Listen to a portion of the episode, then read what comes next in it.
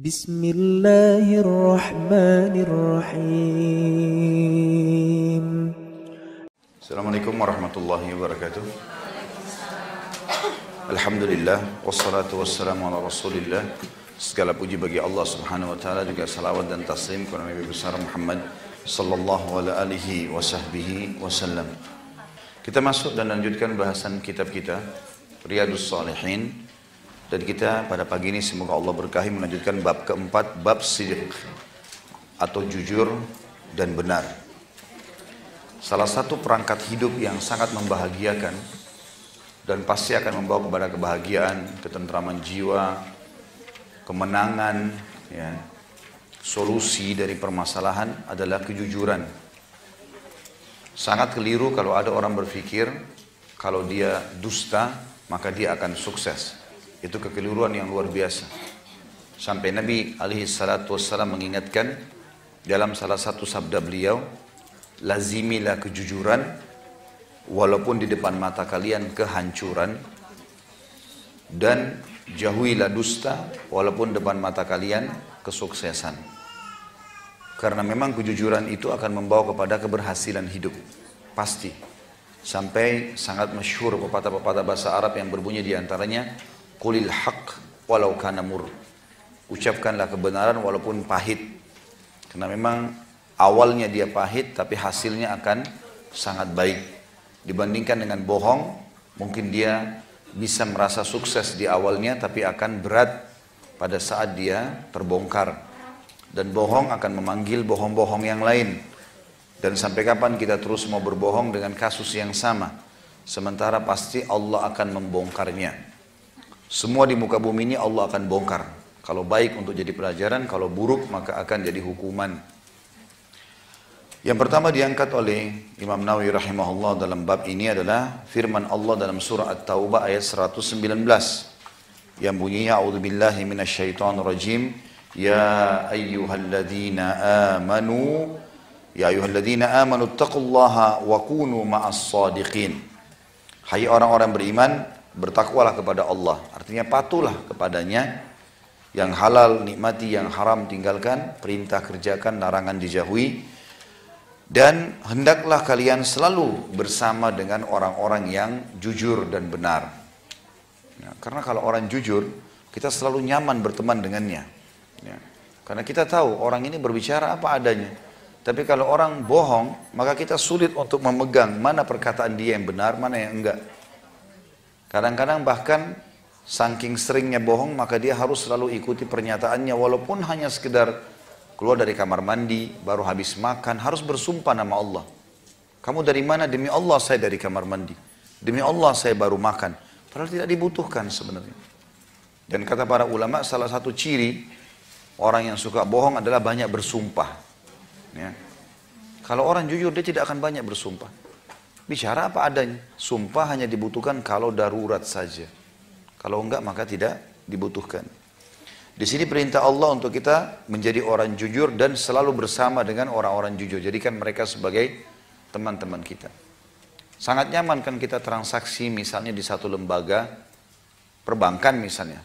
Pada saat kita temukan orang-orangnya jujur, apa adanya, transparansi. Kita nyaman dibandingkan kita ya, bekerja sama dengan orang yang tidak jelas. Tidak ada proposal, tidak ada tanda tangan, tidak ada sesuatu yang jelas. Dan memang ini dilarang oleh Nabi SAW kita bertransaksi dengan sesuatu yang tidak jelas. Samar. Ya. Bahkan dilarang transaksi dengan mula masa. Hanya menyentuh produk selesai. Ya. Harus kita tahu. Ya, ini dilarang dalam Islam karena pentingnya masalah kejujuran. Juga dalam surah Al-Ahzab ayat 35 dalil yang kedua Imam Nawawi sebutkan A'udzubillahi minasyaitonirrajim was-sadiqina was-sadiqat. Allah memuji khusus laki-laki dan perempuan yang jujur. Juga dalam surah Muhammad ayat 21 Allah berfirman, A'udzu billahi minasyaitonir rajim, falau sadaqu falau sadaqullaha lakana khairan lahum. Jika mereka benar dalam imannya, jujur kepada Allah, niscaya yang demikian akan lebih baik bagi mereka. Jadi, memang perintah-perintah untuk jujur ini luar biasa.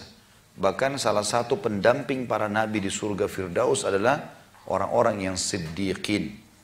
orang yang jujur. Itu levelnya sangat tinggi. Mereka bersama dengan para nabi-nabi dan ciri para nabi adalah kejujuran. Makanya tidak nabi itu tidak pernah bohong sekalipun. Makanya Nabi Muhammad SAW dapat julukan Al-Amin. Orang yang sangat terpercaya. Karena sekalipun nggak pernah bohong. Sekalipun tidak pernah. Semasa hidupnya. Gitu kan. Jadi ini harus kita garis bawahi. Kita masuk kepada hadis yang pertama dalam bab kita dan urutan hadis dari awal kita bahas adalah hadis yang nomor 55. Hadis pertama dalam bab kita ini di nomor 55 dari Ibnu Mas'ud radhiyallahu anhu dari Nabi sallallahu alaihi wasallam beliau bersabda, "Inna sidqa yahdi ilal bir wa innal birra yahdi ilal jannah wa inna rajula la yasduku hatta yuktaba 'inda Allahi siddiqa." Wa innal kadhiba yahdi ilal fujur wa innal fujura yahdi ilal nar.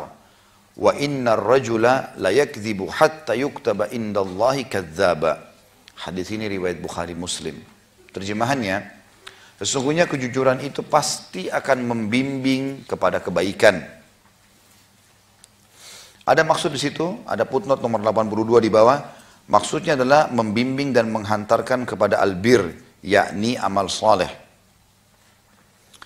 Lalu dikatakan dan sesungguhnya kebaikan itu pasti membawa kepada surga. Jadi kejujuran akan membawa kita selalu berperilaku baik, baik itu akan membawa kepada surga. Dan seseorang lalu selalu saja berlaku jujur hingga ditulis di sisi Allah sebagai orang yang siddiq atau orang yang jujur. Dan sesungguhnya dusta itu membawa kepada fujur, Fujur ini perbuatan buruk, pelanggaran agama. Jadi kalau kita bilang orang fajir, berarti orang jahat. Ya, bohong akan membawa kepada kejahatan. Dan fujur itu, kejahatan akan menyeret ke neraka. Ketahuilah, sesungguhnya seseorang itu terus saja berbuat dusta, hingga ditulis di sisi Allah sebagai pendusta. Kita sekarang masuk ke masalah hikmah dan pelajaran yang bisa diambil dari hadis. Tadi baru terjemahan umum. Yang pertama, jujur akan membimbing kepada kebaikan. Dan jujur dimulai kata para ulama dari diri sendiri.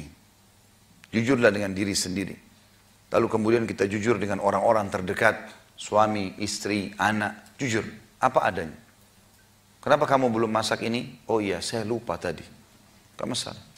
Walaupun kita rasa mungkin itu berat. Kenapa belum belikan saya ini? Oh iya tadi saya terlupa. Apa adanya. Insya Allah sekarang saya coba. Saya lakukan. Pasti hasilnya positif saja.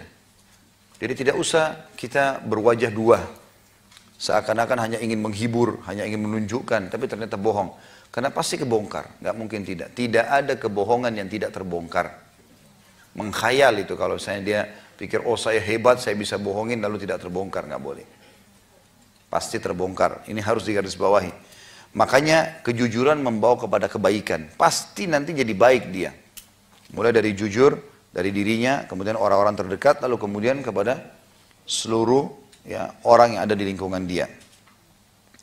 Kemudian potongan yang selanjutnya, kebaikan-kebaikan tadi, karena kejujuran, dia akan jujur dengan Allah, dia akan jujur dengan Rasulullah SAW, dia akan jujur dengan kitabullah Al-Quran, dia akan jujur dengan orang tuanya, dengan pasangannya, dengan anak-anaknya. Maka itu akan membawa dia ke surga. Berarti tiket ke surga ini sederhana sekali. Jujur, memudahkan kita beramal soleh. Ya, kata para ulama ini kalau sekarang seperti pelumasnya mobil. Sudah ada kendaraannya untuk masuk surga itu amal soleh. Tapi yang membuat amal soleh bisa bergerak harus ada pelumasnya. Itulah kejujuran. Ya. Potongan yang lain juga, seseorang terus saja jujur. Berarti kita disuruh menjadikan sebagai rutinitas. Nggak boleh sekali saja jujur. Setiap keadaan. Karena bisa saja kali ini Bapak Ibu sekalian kita berhasil menolak syaitan. Dari bohong kita jujur. Tapi besok kita bohong. Jangan. Jujur setiap saat. Apa pun bisikan syaitan, nanti kamu ketahuan, nanti kamu begini. Enggak. Saya tetap jujur. Ya. Dan ini tentu kejujuran kalau dibutuhkan untuk kita sampaikan. Ya. Dan ini akan ditulis di sisi Allah sebagai orang yang jujur. Maksudnya, kalau Bapak Ibu rutinitaskan kejujuran, nanti akhirnya menjadi perangai kita. Allah akan jadikan kita jujur dalam setiap kehidupan kita karena sudah jadi kebiasaan. Sudah nggak nyaman kalau nggak jujur. Sebaliknya, kata Nabi SAW, bohong pasti membawa kepada kefajiran. Karena bohong itu berarti menandakan lemahnya jiwa, lemahnya iman, lemahnya fikiran. Kenapa harus bohong? Kenapa nggak jujur? Gitu. Apa adanya selesai, clear, gitu kan? Saya salah ya saya salah, saya tanggung konsekuensinya. Saya benar ya sudah ini apa adanya, selesai. Kan bagus ya. Karena kalau tidak, bohong pasti membawa kepada kefajiran. Bohong itu pasti karena keburukan. Tidak ada orang bohong karena kebaikan. Ya. Jadi orang yang mengatakan, saya bohong tapi demi kebaikan. Tidak ada urusannya dengan itu. Nanti tentu ada kita jelaskan juga hadis Nabi SAW mengatakan, bohong tidak dibolehkan kecuali dalam tiga keadaan. Tapi ini memang keadaan tertentu. Seperti misalnya kata Nabi SAW, ya, memperbaiki keadaan dua orang yang sedang bertengkar. Itu lain. Betul-betul kita tahu orang ini lagi ribut, lalu kemudian kita membahasakan. Misal begini, Suami istri lagi ribut. Lalu datang kepada saya misalnya, lalu saya mengatakan kepada suaminya, mungkin memang istri anda itu orangnya baik, cuma belum ketahu, belum tahu saja. Mungkin memang dia sering melakukan ini, gitu. Padahal saya belum tahu istrinya buat atau enggak nih. Jadi saya coba menarik dia supaya menyangka baik dengan istrinya misalnya. Maka ini ada celah kebohongan. Ya. Karena memberikan isyarat, baik itu dengan tubuh, lisan, ya itu sudah termasuk bisa masuk dalam kebohongan. Misal gini, ada orang tanya, tadi lihat gak ini? Padahal dia tahu nih, dia cuma kasih isyarat badan, sama bohong juga. Isyarat. Tapi di sini kalau dia melakukan itu karena memang dia lihat dia memberikan isyarat di sini tidak masuk dalam masalah bohong kalau memang memperbaiki dua orang. Tapi tidak boleh dia bohong di sini dia mengatakan misalnya dia sebenarnya begini dan begitu. Padahal sebenarnya bukan. Dia cuma mengatakan, mungkin orangnya begini, mungkin dia sudah lakukan ini. Jadi dia coba menarik kepada sangka baik. Ya. Atau peperangan. Kalau kita ditangkap oleh musuh ditanya, berapa jumlah umat Islam? Banyak. Padahal jumlah umat Islam sedikit dalam kasus pasukan perang misalnya. Atau bercandanya suami istri. Itu pun bercanda. Dalam pujian. Sekarang istri saya masak asin. Enak gak? Enak tapi asin. Sebenarnya kalau yang enak sebenarnya tidak asin kan gitu. Tapi seperti itulah. Istrinya lagi cuci baju keringatan, pulang. Lalu suami bilang, Masya Allah cantik sekali. Padahal lagi kecutnya luar biasa.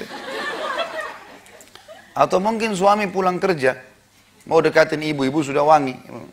Ibu bilang, Masya Allah, belum mandi aja sudah ganteng. Gitu. Apalagi kalau sudah mandi, maka dia pergi mandi akhirnya kan gitu. Padahal sebenarnya tadi kita lihat ini luar biasa debunya banyak ini ya. Itu namanya bercanda, orang bercanda. Atau misalnya suami mengatakan, saya belum pernah melihat wanita secantik kamu. Istrinya dibilangi. Padahal banyak wanita lebih cantik dari istrinya. Tapi di sini bab itu ya, ini tidak masuk di dalamnya orang yang sengaja bilang sama suami itu sama istrinya, saya nggak ke sana, saya nggak ke sini, padahal dia bohong. Itu nggak boleh. Bukan itu yang dimaksud. Ya. Nanti seorang wanita bisa bilang sama temannya, kalau suami saya telepon bilang saya sama kamu ya. Padahal dia pergi ke tempat lain ini. Nggak benar. Suaminya atau ini sahabatnya, ada nggak istri saya? Oh ada. Mana lagi di kamar mandi? Bohong semua ini. Istrinya bohong, ini temannya bohong. Gitu kan. Semua kena hukuman ini. Dan semua perbuatan haram dalam agama pasti ada hukumannya. Maka jangan mengkhayal kalau kita buat dosa lalu kemudian kita tidak dihukum sama Allah. Ada hukuman. Ya, Allah akan datangkan. Nanti kita kalau kena hukuman lalu kita mengatakan, kenapa ya? Kok bisa ya? Ya ini masalahnya dosa-dosa yang kita lakukan. Kok saya lagi jalan baik-baik, nggak ada apa-apa, sepatunya bagus, jalannya rata, keseleo tiba-tiba. Kok bisa ya? Ya, tanya diri sendiri, kok bisa bohong waktu itu? Ya. Jadi akan datang hukumannya gitu kan? Nggak boleh. Jadi yang dimaksud di sini adalah bercandanya dia dalam pujian, gitu kan? Maka itu boleh-boleh saja, gitu kan? Ada jelas orang ganteng sekali. Tahu dia bilang sama suaminya, tapi kau lebih ganteng kok dari dia. Padahal mana antara langit dan bumi gitu. tapi untuk membesarkan suaminya. Ya, itu kan dia membesarkan jiwa suaminya, tapi dalam masalah itu ya, bercandanya dia di bab itu saja. nggak benar orang selingkuh lalu dia bohong. Itu nggak ada dalam Islam. Tetap dihukum tuh. Jadi harus difahami di sini. Jadi harus kita faham yang mana sisi syar'i yang dibolehkan pekah sekali. Salah sedikit masuk dalam bab haram. Ya, jadi tidak boleh kita buka ke situ. Dan sekali kita buka bab dusta, maka kita akan terus terjerumus dalam keburukan dan kalau kita sudah buka menjadi sebuah kebiasaan, Allah akan catat kita menjadi pendusta. Artinya kata ulama hadis jadi kebiasaan dusta udah. Sudah tidak sudah tidak ada hari yang berlalu tanpa dusta. Dan ini masalah ini. Nanti dia untuk memperbaiki pun butuh ekstra waktu, ekstra energi, ya, ekstra pengorbanan baru bisa. Maka jadilah orang yang jujur. Gitu ya. Hadis selanjutnya, hadis 56 dari Abu Muhammad Al Hasan bin Ali bin Abu Talib radhiyallahu anhu. Ini tentu dari cucu Nabi SAW Hasan radhiyallahu anhu. Beliau berkata radhiyallahu anhu majma'in ya. Aku hafal dari Rasulullah SAW. Da' ma yaribuka ila ma la yaribuk. Fa inna sidqa tuma'ninah wal kadiba ribah. Hadis ini riwayat Trimidi dan beliau menyatakan hadis ini adalah hadis yang sahih. Ini wasiat ringkas padat. Jadikan prinsip hidup. Kata Nabi SAW, tinggalkan apa yang meragukanmu kepada apa yang tidak meragukanmu. Boleh nggak ya hukumnya? Udah, selesai. Tinggalkan aja. Syubhat, jauhi. Jangan lakukan. Ini saya bisa bahaya atau enggak ya? Lebih dominan. Ada sedikit bahaya. Sudah saya nggak mau. Cari amannya aja. Selalu cari aman. Gitu kan. Karena sesungguhnya kejujuran adalah ketenangan jiwa. Kita ragu sedikit, kayaknya kalau saya lakukan ini ada kemungkinan saya dinilai buruk. Enggak, enggak usah masuk di sana. Sudah selesai, tinggalkan cari tempat aman. Kejujuran adalah ketenangan jiwa. Dan kedustaan adalah keragu-raguan. Orang kalau jujur ditanya apa pun, langsung aja dia lantang jawab. Selesai. Jujur apa adanya. Kamu dari mana? Saya dari sini. Kamu dari saya dari sini. Kalau orang bohong pasti keragu-ragu. Kita bisa lihat dari penataan bahasanya. Ya. Jadi di sini saksi bahasan kita kejujuran adalah ketenangan jiwa. Dikatakan di situ, ya ribuka, di situ ada ditulis ya-nya di fathah atau di dhammah. Ya ribuka atau ya ribaka. Makna hadis ini, tinggalkanlah apa yang kamu ragukan kehalalannya dan beralihlah kepada sesuatu yang kamu tidak meragukan kehalalannya. Pergaulan kah, pendapatan kah, udah kita ragu, jangan dilakukan. Selesai. Seorang muslim, apa yang kelihatan di wajahnya, apa yang dia ucapkan itu dalam hatinya. Gak pernah bermuka dua. Orang berwajah dua itu cuma orang munafik. Yang Allah mengatakan dalam Al-Quran, Muzabzabina baina dhalika la ilaha ula wa la ilaha ula. Orang munafik itu muzabzab, tidak jelas, pelimplang hidupnya. Tidak ke sini, tidak ke sana. Ya. Nah ini semua karena kebohongan yang ada.